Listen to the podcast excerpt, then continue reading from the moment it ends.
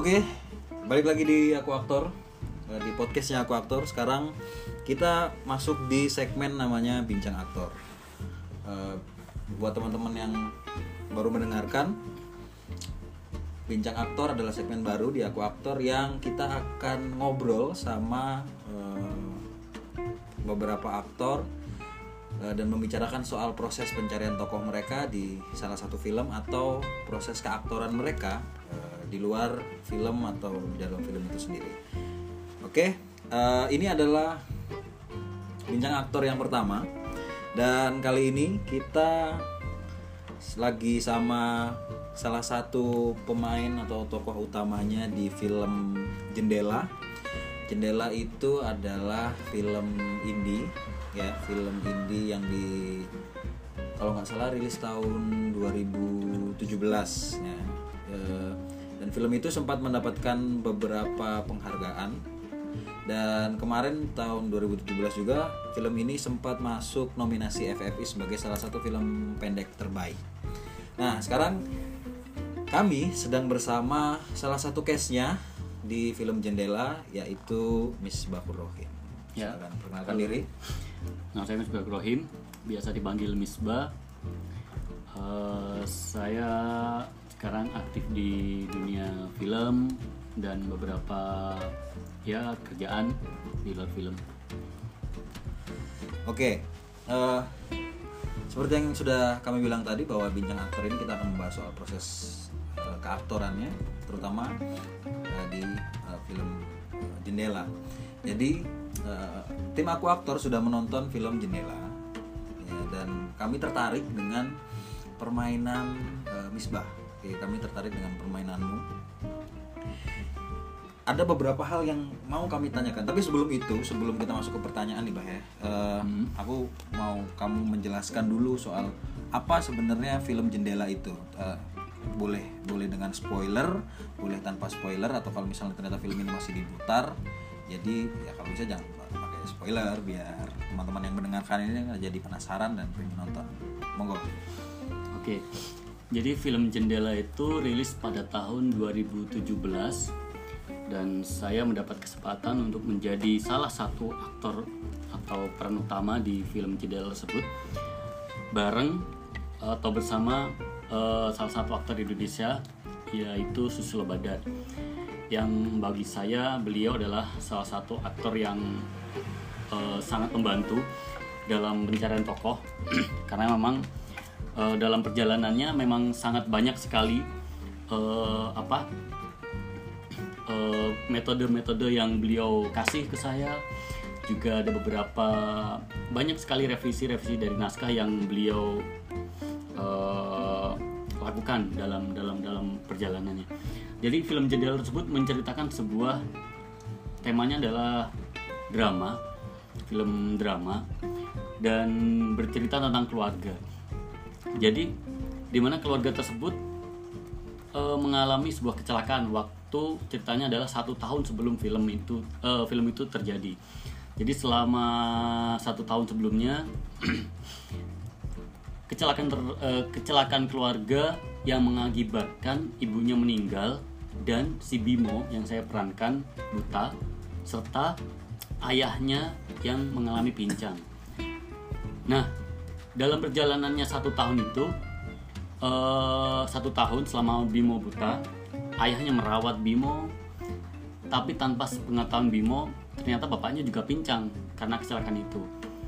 Akhirnya dijelasin intinya adalah di ending cerita kalau eh, Bimo tahu kalau bapaknya juga pincang dan itu akhirnya membuat gejolak antara marah dengan bapaknya karena bapaknya tidak bilang selama merawat Bimo tidak bilang kalau dia pincang.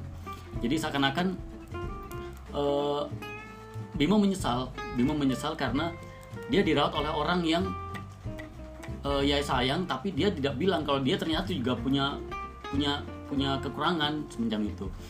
Intinya begitu. Tapi akhirnya semua dijelaskan bahwa di ending cerita bapaknya pengen bapaknya nggak pengen kalau Bimo tahu kalau selama ngerawat dia dia juga pincang dia punya kekurangan. Tapi impian terbesar bapaknya adalah Bimo pengen bapaknya pengen Bimo bisa melihat. Karena Bimo adalah salah satu satu-satunya orang bisa satu-satunya orang yang eh, istilahnya bakal meneruskan keluarganya dia merawat bapaknya nanti kalau dia tua. Dia begitu. Seperti itu. Oke, eh, tadi kamu sudah beberapa kali menyebutkan soal Bimo gitu, dan eh, pertanyaan selanjutnya adalah Bimo itu siapa di di film ini? Artinya eh, eh, secara tiga dimensi mungkin ya bahasanya yang agak sedikit berat kali. Eh, Bimo itu siapa? Bimo itu adalah seorang anak yang berumur ya eh, sekitar 20 tahunan. Dia anak dari seseorang yang dengan keluarga yang berkecukupan dengan dengan keadaan yang berkecukupan ke keluarganya yang berkecukupan. Lalu dia memiliki eh, karakter yang sebenarnya pendiam, pendiam tapi tapi dia pemikir. Artinya dia lebih banyak memikirkan sesuatu yang yang yang bagaimana caranya biar keluarganya eh, bisa terangkat dari dari dari keterpurukan semenjak itu. Dia lebih banyak memikir. Intinya dia pendiam sebenarnya lalu dari segi eh, fisik dia terlihat kurus dan tidak terlalu gemuk dan dia ceritanya dalam dalam cerita ini dia baru lulus sekolah sih Oke.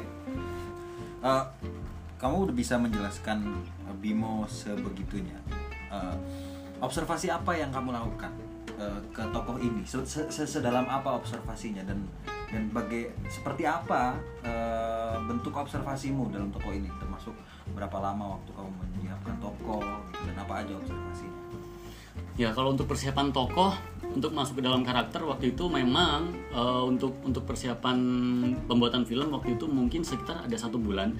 Jadi ada waktu paling tidak eh, satu bulan atau bahkan kurang bahkan kurang untuk mencari karakter tokoh dan waktu itu saya melakukan beberapa metode karena metode karena karakter dalam film ini adalah Bimo seorang yang baru baru eh, baru baru apa baru bisa melihat dari buta jadi dia dia dalam ceritanya memang agak agak masih ingin mengenali dunia dunia yang udah lama dia tidak melihat begitu. Jadi mulai dari dia mencium roti, dia dia memahami eh, dia dia eh, apa melihat aqua atau apa pun dalam eh, di sekitar dia, dia lebih memperhatikan dengan seksama semacam itu. Dan untuk observasi eh, saya lebih lebih banyak untuk mendengarkan sebuah lagu lagu yang memang sudah ditentukan dan memang sudah saya pilih untuk untuk masuk dalam karakter dan lebih banyak menyendiri sih mungkin lebih banyak menyendiri karena mun- mungkin eh, untuk menjaga mood sih menjaga mood agar eh, saya dapat karakter yang yang semacam itu yang yang yang ada dalam film tersebut yang diinginkan sutradara.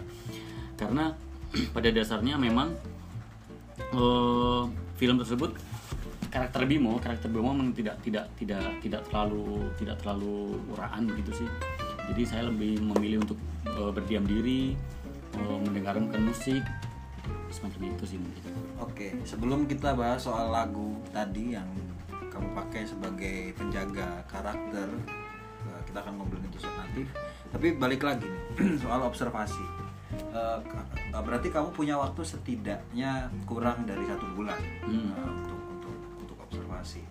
Apakah kamu hanya hanya hanya mendengarkan lagu saja untuk untuk menciptakan tokohnya? Artinya begini, di film ini kalau misalnya teman-teman nonton ya di film ini dan teman-teman mungkin nanti bisa nonton, bisa hubungi sutradaranya di Instagramnya apa namanya? Eh, Hirandi Pratama Ya, kita akan tag ya nanti di IG.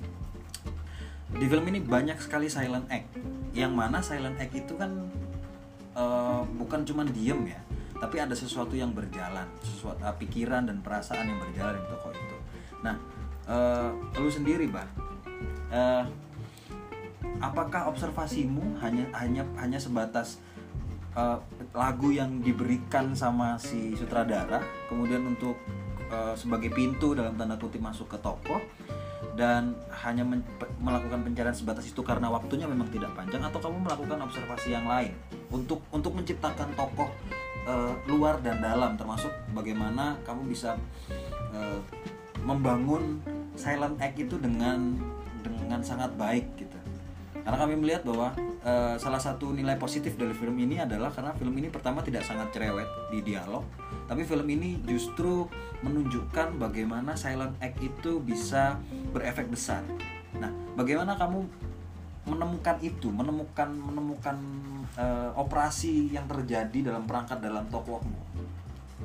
Ya, jadi pertama eh, selain lagu dan berdiam diri atau menyendiri, jadi eh, yang lain itu adalah saya bertemu dengan beberapa anak yang dia buta dan juga tuli, ya ya katakanlah dia eh, tunawisma begitu. Nah, terasa nggak punya rumah dong pak. Tunanetra maaf. Iya, iya. tunanetra. Dia tunanetra.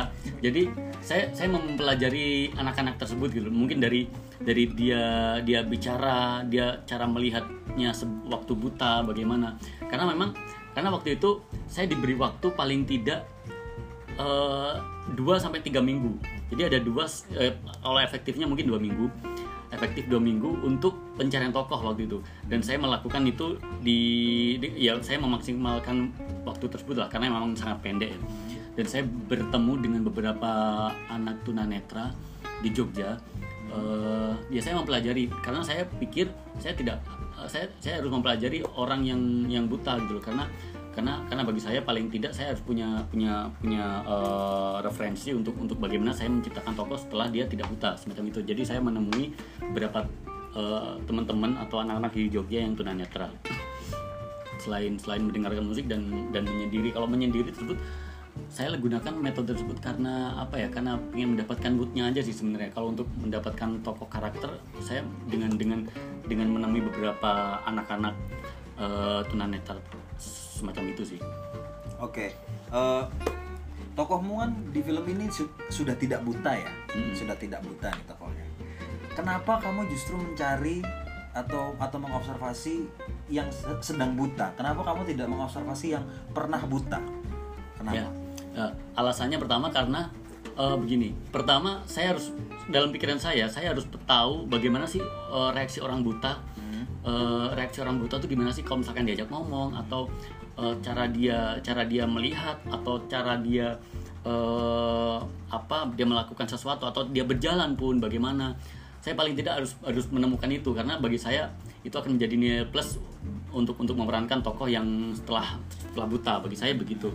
Dan di sisi lain saya juga memerankan saya juga melatih melatih apa ya melatih melatih cara saya. Misalkan saya berjalan dengan mata tertutup semacam itu saya sering melakukan itu itu sih Oh, jadi memang alasannya karena berusaha untuk tahu Ya, perasaan, mm, justru perasaan. perasaan sebelum sebelum bisa, bisa melihat Eh, ta- tapi apakah kejadian ini, kejadian di film itu, itu terjadi tepat setelah setelah di, di, di latar filmnya itu di setelah operasi kereta. Itu, itu pas setelah operasi. Iya, jadi ceritanya memang setelah operasi. Jadi di kereta itu memang ceritanya memang eh, setelah dioperasi dari rumah sakit, salah satu rumah sakit di kota lah katakan gitu. Lalu dia pulang lagi ke rumahnya. Tapi belum tahu kalau Bimo sebenarnya Bimo belum tahu kalau sebenarnya rumahnya sudah dijual oleh bapaknya. Hmm, Oke. Eh, sebelum jauh dan nanti akhirnya muncul spoiler ya pak ya. Eh, berarti mm, memilih tunanetra karena ingin tahu bagaimana perasaan tokohmu ketika buta. Hmm. Instead of daripada kamu eh, me- men- men- mengobservasi orang yang sebelumnya sudah pernah buta Ya. terus eh, mencari tahu bagaimana perasaan dia terhadap ketidakbutaannya lagi itu yang akhirnya kamu lakukan Ya sebenarnya saya waktu itu sempat mencari orang yang sudah buta, eh, yang sudah tidak buta, yang darinya, yang awalnya buta terus tidak buta. Saya sempat mencari dari salah satu apa namanya eh, pa- eh, pa- eh, yatim piatu, Di- eh, apa kok yatim piatu sih? Apa namanya? Lembaga, lembaga, lembaga orang-orang tunanetra. Ya orang-orang tunanetra, eh, tunanetra begitu. Saya mencari tahu, ternyata memang jarang banget, jarang banget orang yang di Jogja terutama di Jogja yang awalnya buta terus ada seorang yang rela mengorbankan matanya. matanya untuk orang yang buta. Itu jarang banget. Jadi jadi saya kesulitan waktu itu mencari orang yang sudah tidak buta yang awalnya buta menjadi tidak buta. Jadi saya ya saya paling tidak harus punya opsi lain lah. Paling tidak saya mempelajari orang buta bagaimana cara eh, bagaimana cara eh, caranya saya memahami perasaan dia bagaimana saya memahami eh, untuk untuk apa pun lah yang dia lakukan waktu dia buta. Oke, eh, tadi kita bicara soal kebutaan ya. Eh, bagaimana kamu membangun perasaan pernah buta, kemudian di film eh, perasaan pernah buta itu eh, apa ya? eh, di, ber- apa ya? Bahasanya mungkin men- me- berusaha menebalkan perasaan setelah tidak setelah tidak buta. Kamu kan mencari tunanetra Iya. nih untuk untuk tahu. nah, apakah itu juga berefek pada bagaimana caramu mengoperasikan eh, perangkat dalam yang terjadi tokohmu, pikiran dan perasaan? Apakah itu juga berefek pada itu? Ya, jadi eh, waktu di eh, setelah dia tidak buta, saya lebih menebalkan di dalam cara bermain mata sebenarnya. Jadi artinya di film tersebut eh, saya saya saya sebenarnya eh, apa ya eh, apa namanya hal yang paling berat bagi saya adalah untuk meneteskan air mata Oke. karena karena waktu itu memang sutradara bilang intinya saya pengen kamu tidak menangis tapi berkaca-kaca. Dan bagi saya itu sangat sangat sulit banget karena saya harus menjaga mood agar tidak meneteskan air mata terus balik lagi ke dalam habis itu mengeluarkan lagi ke dalam lagi semacam itu. Jadi artinya lebih mengolah itu sih. Jadi eh, mengolah agar mata tidak jatuh air mata tidak jatuh tapi bagaimana caranya bagaimana caranya biar terlihat menangis eh, atau mata berkaca-kaca. Jadi saya mengolahnya lebih banyak membayangkan ibu saya ibu saya yang telah meninggal. Lalu eh, Ibu tokohmu. ibu tokoh ibu tokoh yang sudah meninggal dan beberapa eh, karena memang satu tahun tidak melihat dan saya terlihat semacam kagum dengan keadaan sekitar oh ternyata gunung tuh seperti ini ya eh, seperti ini setelah lama tidak melihat atau pohon-pohon semacam apa. Jadi saya lebih ke kagum sih. Kagum jadi itu yang menjadi menjadi apa yang menjadi eh, reaksi dari dalam diri sih untuk mengolah mengolah mengolah karakter itu. Jadi apa yang berjalan ketika silent act itu Hmm. adalah perasaan kagum, ya haru, kagum haru. Eh, eh, kalau di halaman awal tokohnya nih Mm-hmm. peristiwa di atas kereta itu itu berapa berapa selang berapa lama setelah kamu akhirnya bisa melihat kemudian duduk di dalam kereta itu? Dari operasi ya? Nah kalau halaman nolnya se- Eh, jadi- gambaran dengan sutradara jadi itu kesepakatannya kemarin adalah jadi saya mau membayangkan jadi setelah dari rumah sakit tersebut itu langsung ke kereta sebenarnya. Ya mungkin satu jam atau ya lebih dari satu jam lebih dia. Karena bayangan saya adalah sekitar ya tapi nggak sampai lima jam karena perjalanan segala macam habis itu langsung naik ke kereta. Jadi memang baru banget sih. Gitu ya Baru banget, dia ah. memang memang baru katakanlah biasanya orang habis operasi Mhm. eh, bisa melihat ada Iya. beberapa urusan rumah Iya. sakit yang diselesaikan terus langsung pergi dan naik kereta itu Ya, dan alasannya kenapa Bimo tidak eh, setelah dia bisa melihat tidak senang dan apa pun itu sebenarnya karena karena banyak pikiran yang yang ia pikirin dulu. Dan se- alasan paling besar adalah karena kehilangan ibunya. Itu menjadi alasan eh, kenapa dia tidak tidak begitu ya percuma saya bisa melihat tapi saya tidak bisa melihat ibu. Ini yang begitu lebih ke situ. Mending saya buta tapi tapi saya eh, ya sama aja lah intinya. Saya tidak bisa melihat ibu dengan bisa bisa melihat atau tidak buta. Ya intinya percuma. Jadi jadi gejolak itu yang muncul dari dalam diri Bimo kenapa dia tidak tidak sumringah atau tidak senang? Bukannya tidak senang ya tapi tidak tidak begitu euforia karena dia bisa melihat. Oke. Itu soal kebutaan eh, eh, soal perjalanan kebutaan tokoh ini. Terus soal dimensi yang lain misalnya kita masih bahas soal dimensi fisiologis ya. Kita kami kan melihat bahwa di film ini, di film Jendela dan Misbah di kehidupan nyata, kami kami melihat kami bahkan mungkin bisa bilang tidak ada belum ada capaian yang sangat signifikan soal perubahan fisik perubahan fisik gitu. Nah, apakah dalam obser- observasimu yang cuman efe- efektif dua minggu itu, kamu juga memikirkan bagaimana cara tokoh ini berlaku, bagaimana cara apakah kamu juga berusaha untuk untuk mencapai itu? Meskipun meskipun ini pertama film pendek yang mungkin bagi banyak orang film pendek adalah film yang eh, yang penting aktingnya biasa aja dan natural yang harusnya pemahaman itu salah ya karena tokoh tokoh adalah tokoh dan harus dimainkan dengan sangat sempurna sesempurna mungkin. Nah, apakah dengan waktu yang pendek selama dua minggu itu kamu juga selain mencari perasaan, kalau tadi- dari tadi kan kamu bilang bagaimana tokoh ini merasakan, bagaimana perasaan tokoh ini pas buta, setelah selesai buta, bagaimana perasaannya, pikiran apa yang berjalan. Kamu kan melulu soal operasi dalamnya. Apakah fisiknya juga kamu cari, bentuk fisiknya juga kamu cari, caranya bicara juga kamu cari. Iya. Jadi pertama eh, waktu itu saya sering banget ngobrol dengan sutradara intinya eh, sutradara pengen tokoh ini semacam eh, semacam apa maksudnya eh, untuk untuk kita bikin kesepakatan memang waktu itu kesepakatan jadi memang eh, dalam dalam kesepakatannya akhirnya eh, sutradara menawarkan intinya saya tidak pengen eh, ada sesuatu yang berubah jauh dari dari dari dari yang ya ya yang yang yang eh, selayaknya lah kamu gitu. Cuman akhirnya saya sering ber- bertanya dulu tapi mas eh, tapi mas kalau misalkan saya menawarkan jadi ada beberapa hal yang saya pertanyakan waktu itu. Saya menawarkan kalau misalkan saya bercara berjalan yang berbeda saya eh, saya saya mungkin dari tatapan mungkin ada yang ciri dari cara melihat atau apa gitu. Tapi ternyata eh, tidak sutradara berkata intinya eh, tidak itu, itu itu udah udah punya wilayah sendiri. Misalkan dia i- misalkan pincang pincang itu udah menjadi bapaknya. Udah udah udah udah Oke. udah oke gitu. Terus lalu misalkan jadi intinya kamu buta dia yang buta. Mungkin cara laku cara, cara berjalan yang mungkin mungkin bukan bukan bukan fisik tapi lebih ke dalam. Artinya eh, pengolahan pengolahan nafas atau pengolahan laku yang kecil-kecil yang semacam itu yang lebih dipertebalkan. Bukan bukan untuk untuk cara Bentuk bukan fisik yang besar, yang besar cara kan berjalan. jadi lebih fokus pada lebih fokus bagaimana pada kamu bagian mimiknya sih eh, memperlakukan matamu Iya. ketika pertama kali bisa melihat ya. Hmm. Oke. Eh, artinya dalam waktu dua minggu eh, apa efektif observasi yang kemudian bisa kamu dapatkan dalam waktu dua minggu itu itu apa aja dalam toko itu? banyak sih sebenarnya Eh, selain saya mm, pertama eh, saya ya ini satu lagi.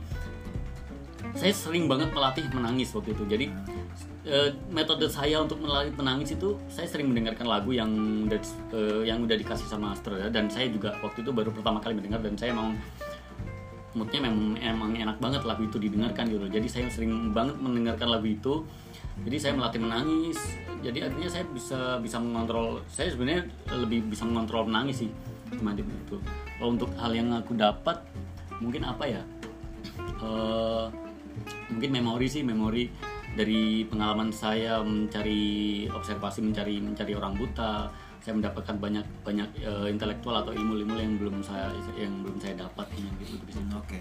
Nah, bicara soal tangisannya nih, bicara soal mata yang berkaca-kaca nih. Eh, kami melihat di bagian awal, ini agak spoiler ya teman-teman. Jadi silakan bersiap-siap bagi yang ingin menonton, mungkin bisa di skip bagian ini di mungkin 10 menit ke depan.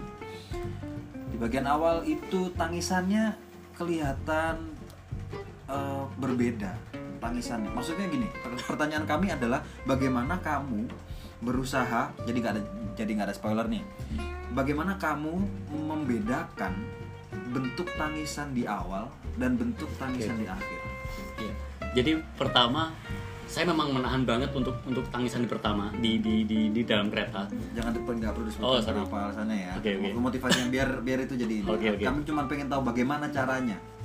ya caranya pertama eh, saya pertama membayangkan jadi ketika mata saya sudah memulai mulai mulai kelihatan mau nangis saya langsung menghilangkan memori saya atau Oke. imajinasi saya. Oke. jadi saya langsung menghilangkan imajinasi saya saya langsung intinya langsung mungkin tidak fokus ke dalam imajinasi. Jadi secara secara secara, secara tidak langsung atau secara perlahan eh, ka- eh, apa air mata yang berkaca-kaca langsung semacam saya merasakan langsung balik lagi dalam ketika misalkan dalam emosi yang harus dikeluarkan saya balik lagi ke dalam imajinasi. Mengimajinasikan ibu saya ibu ibu tokoh itu yang udah meninggal atau dalam eh, atau banyak hal sih yang saya pikirkan begitu. Intinya saya masuk lagi dalam eh, imajinasi saya. Kalau misalkan itu tidak saya butuhkan ya saya balikin lagi. Saya saya bubarkan imajinasi itu semua Uh, jadi jadi yang terjadi adalah ketika adegan di awal yang berkaca-kaca terus uh, membedakan em, cara cara mendapatkan uh, bentuk tangis yang berbeda di awal dan di akhir adalah dengan kalau di awal misalnya tangisannya sudah hampir keluar tiba-tiba kamu berusaha menyadarkan Iya, diri untuk tidak diri. menangis sehingga Iya. itu hanya sampai pada titik berkaca-kaca sementara di akhir saya keluarkan semua keluarkan semua. Oke. Eh, biar tidak sangat spoiler ya. Selanjutnya kita pengen ngebahas nih soal tadi yang kamu bilang di eh, lagu. Hmm. Kenapa? Kenapa? Kenapa menggunakan lagu untuk kamu bilang di awal tadi untuk membangun tokohnya? kita kita tidak bicara bagaimana soal capaian capaian dimensi fisiologis ya kita kita bicara soal bagaimana kenapa kenapa kamu memilih lagu itu lagunya adalah lagu yang di film Iya, ini ya iya. Eh, lagunya lagu Banda Neira judulnya apa menjadi debu Eh, ya seperti debu kalau Seperti debu, salah. seperti debu. oke nah kenapa lagu yang dipakai? Ya eh, jadi pertama kali sutradara menawarkan. Apakah itu tawaran dari sutradara atau itu idemu sendiri? Jadi pertama itu adalah tawaran dari sutradara. Sutradara menawarkan intinya ini saya punya eh, lagu yang bakal menjadi soundtrack yang sudah diedit yaitu Bandanera waktu itu. Dan saya baru pertama kali mendengarkan Bandanera atau eh, baru pertama kali mendengarkan lagu seperti debu. Waktu saya mendengarkan dan saya mm, apa bertanya-tanya tentang karakter tokoh yang yang akan saya mainkan dan ternyata lagu ini juga juga sangat mendekati karakter tersebut gitu. Sangat mendekati dengan tokoh yang akan saya mainkan. Jadi akan sangat membantu ketika saya memainkan karakter karakter tersebut. Oke, berarti lagu itu kamu berpikir bahwa lagu itu terasa sangat dekat Iya, dengan tokoh jadi yang kamu semacam mainkan. empiris ya apa ya eh, energinya itu sangat sangat kuat banget di lagu itu. Kenapa Contohnya, kamu bisa memutuskan bahwa lagu ini sejiwa dalam tanda kutip sama tokoh yang mau kamu mainkan? Mungkin konten dalam lagunya mungkin ya. Oke. Konten dalam lagunya itu eh, karena Lirik-liriknya. lagu- iya, liriknya sangat sangat sangat sangat dalam sih saya bagi saya sangat dalam dan dan bercerita tentang kematian Hmm. Eh, dan itu sangat sangat sangat dekat dengan karakter yang saya mainkan atau dalam dalam dalam film tersebut. Oke, dan kamu tadi juga bilang bahwa lagu ini selain kamu pakai untuk membangun tokohnya, juga kamu gunakan untuk menjaga karakternya. Hmm, ya. Jadi Gimana? Jadi sering kali kalau misalkan lagi break atau lagi bukan adegan saya, saya selalu menjaga karakter agar tidak lepas gitu kan. Ya saya intinya ingin menjaga karakter tersebut biar saya tidak lupa atau tidak tidak luput. Saya sering menjaga tersebut dengan menjaga eh, dengan dengan mendengarkan lagu Bandanera Bandanera yang sudah diedit tersebut. Karena karena bagi saya kalau misalkan saya bisa apa bisa lepas dari karakter, saya akan bingung untuk masuk ke dalam karakter tersebut. Karena bagi saya karena waktu di adegan dalam peni- tangisan pertama dalam kereta itu itu bagi saya sangat berat. Eh, beratnya karena saya harus menjaga tangisan harus menjaga emosi mood atau eh, karakter dengan agar tidak tidak tidak tidak lepas dengan misalkan dengan berkaca-kaca habis itu balik lagi berkaca-kaca. Misalkan saya tidak bisa menjaga tersebut saya takutnya eh, malah lepas dan saya tidak bisa menjaga continuity saya mikirnya begitu jadi saya menjaga eh, menjaga continuity continuity dengan mendengarkan lagu Berarti selama, selama proses syuting film ini, kamu berusaha menjaga mood tokohmu Mhm. dengan di, di perasaan yang sama, ter- terutama untuk adegan-adegan di awal ya. Di mana kamu berusaha yang kamu bilang tadi untuk tidak menangis tapi tetap berkaca-kaca dengan cara eh, lagu itu Iya, untuk untuk itu. terus menjaga pada kesadaran bahwa eh, aku ada di kesadaran tokoh Iya, sekarang, begitu. bukan karena ketika keluar dari toko jadi akan sangat Ya, menyusahkan eh, untuk masuk eh, kembali. akan balik Oke. lagi tuh kan bagi saya nggak tahu Oke. Eh, kenapa lagu? Karena kamu tadi udah bisa, kamu tadi jawab, udah jawab kalau lagu itu Ya, mem- memiliki empiris yang sama. memiliki- Kamu Eh, berpikir lagu ya. itu memiliki empiris yang sama dengan dengan tokoh itu. Oke. Eh, pertanyaan mungkin ini pertanyaan terakhir atau mungkin tidak. Menurutmu permainanmu tadi, permainanmu di film Jendela dengan dengan waktu dua minggu pencarian efektif, menurutmu apakah berhasil? ya eh, kalau menakar berhasil atau tidak itu tergantung eh, maksudnya tentatif ya maksudnya bukan tentatif eh, maksudnya eh, relatif. Ter- dari sudut pandang penonton. Tapi kalau dari sudut pandang saya sendiri eh, saya merasa memang masih banyak kekurangan gitu kan. Mungkin dari Silent X yang harusnya eh, apa tadi saya harusnya bisa men- kalau dalam saya kalau, ketika saya melihat itu harusnya saya saya saya, saya mesti berpikir wah harusnya begini nih. Waduh kurang nih begini. Jadi saya merasa masih kayak ada yang kurang gitu loh ketika saya main di situ. Jadi memang belum belum sempurna sih. Hmm, Oke. Eh, apa yang Oke, tadi ki- kita udah nanya soal berhasil dan kamu bilang ada beberapa kekurangan dalam Hmm. dalam penciptaan. Terus apa yang yang yang sukses kamu capai dalam permainanmu di film ini? yang sukses itu bagi saya saya paling tidak bisa menjaga mood sebenarnya itu sih Men- menjaga moodmu atau mood- moodku moodku untuk Menurutmu sebagai aktor? Iya, moodku sebagai aktor untuk menjaga karakter. Jadi saya saya jarang banget ketika bermain film terus saya bisa menjaga mood dengan baik dalam dalam karakter itu bagi saya saya jarang banget gitu. Nah tapi kalau dalam film ini saya saya merasa berhasil ketika saya ber, eh, menjaga mood karakter. Jadi semacam ya saya paling tidak tidak tidak tidak ketika break saya tidak bercanda dengan orang lain atau tidak apa.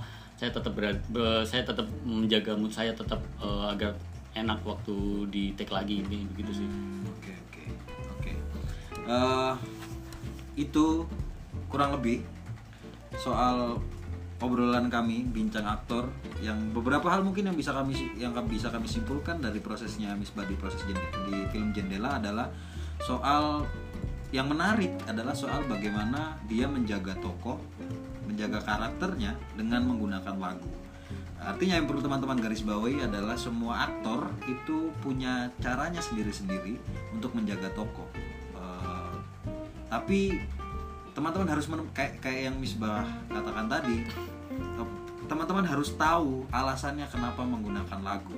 Gitu. Kalau kalau Misbah bilang tadi kan kenapa menggunakan lagu karena lagu ini punya perasaan yang sama, Dan punya perasaan yang memiliki sama tempo yang yang enak banget sih. punya tempo yang sama, Sama. juga dengan tokoh. Nah, itu, itu juga yang perlu teman-teman sadari bahwa setiap tokoh itu punya beat dan temponya masing-masing. Oke, ini ada beberapa pertanyaan yang akan sang akan selalu kita tanyakan di bincang aktor. Pertama adalah soal menurut Misbah seni peran itu apa? Seni peran itu bagi saya adalah eh, suatu apa acting atau ya saya saya sering ber, ber- apa ya saya sering melakukan itu seni peran ya intinya saya melakukan sesuatu dengan dengan dengan sungguh-sungguh Relax pak, relax pak, santai, santai. Ngerokok dulu pak. Dia kok aktor nih santai, ya nggak? Relax, relax. Masa santai aja dong, ngobrol doang kita ini, bukan bukan sidang skripsi. Oke, ntar ya kita nyalain rokok dulu teman-teman. Yang mau ngopi silakan ngopi dulu. Yuk lanjut pak. Ya. Apa seni peran menurut Misbah sendiri apa? seni peran adalah ilmu yang mempelajari tentang eh, belajar acting. Itu seni peran beda kalau kalau peran adalah peran adalah memainkan sebuah karakter atau tokoh Oke, kalau di luar di luar soal soal latar belakangmu sebagai mahasiswa alumni minat utama keaktoran, seni peran. Mhm. Setelah kamu menjalani beberapa tahun uh, setelah kelulusan terutama ya, terus kemudian menjalani film tertentu, apa seni peran? Seni peran bagi saya itu eh, kalau kalau ngambil definisinya adalah kalau seni peran adalah ilmu yang mempelajari tentang Ya, definisi. Oke. Ah. Nah, tapi kalau bagi saya seni peran itu eh, sebuah sese- seseorang yang memerankan sebuah karakter atau tokoh dalam sebuah film. Oke, itu aktor apa seni peran? Oke, Bisma masih mencari kayaknya masih mencari definisi seni peran dalam hidupnya ya. Tidak apa-apa karena semua aktor tuh pasti menjalani itu. Tapi yang paling penting adalah kita bisa belajar soal bagaimana proses proses keaktoran Misbah bahwa eh, menjaga toko itu penting.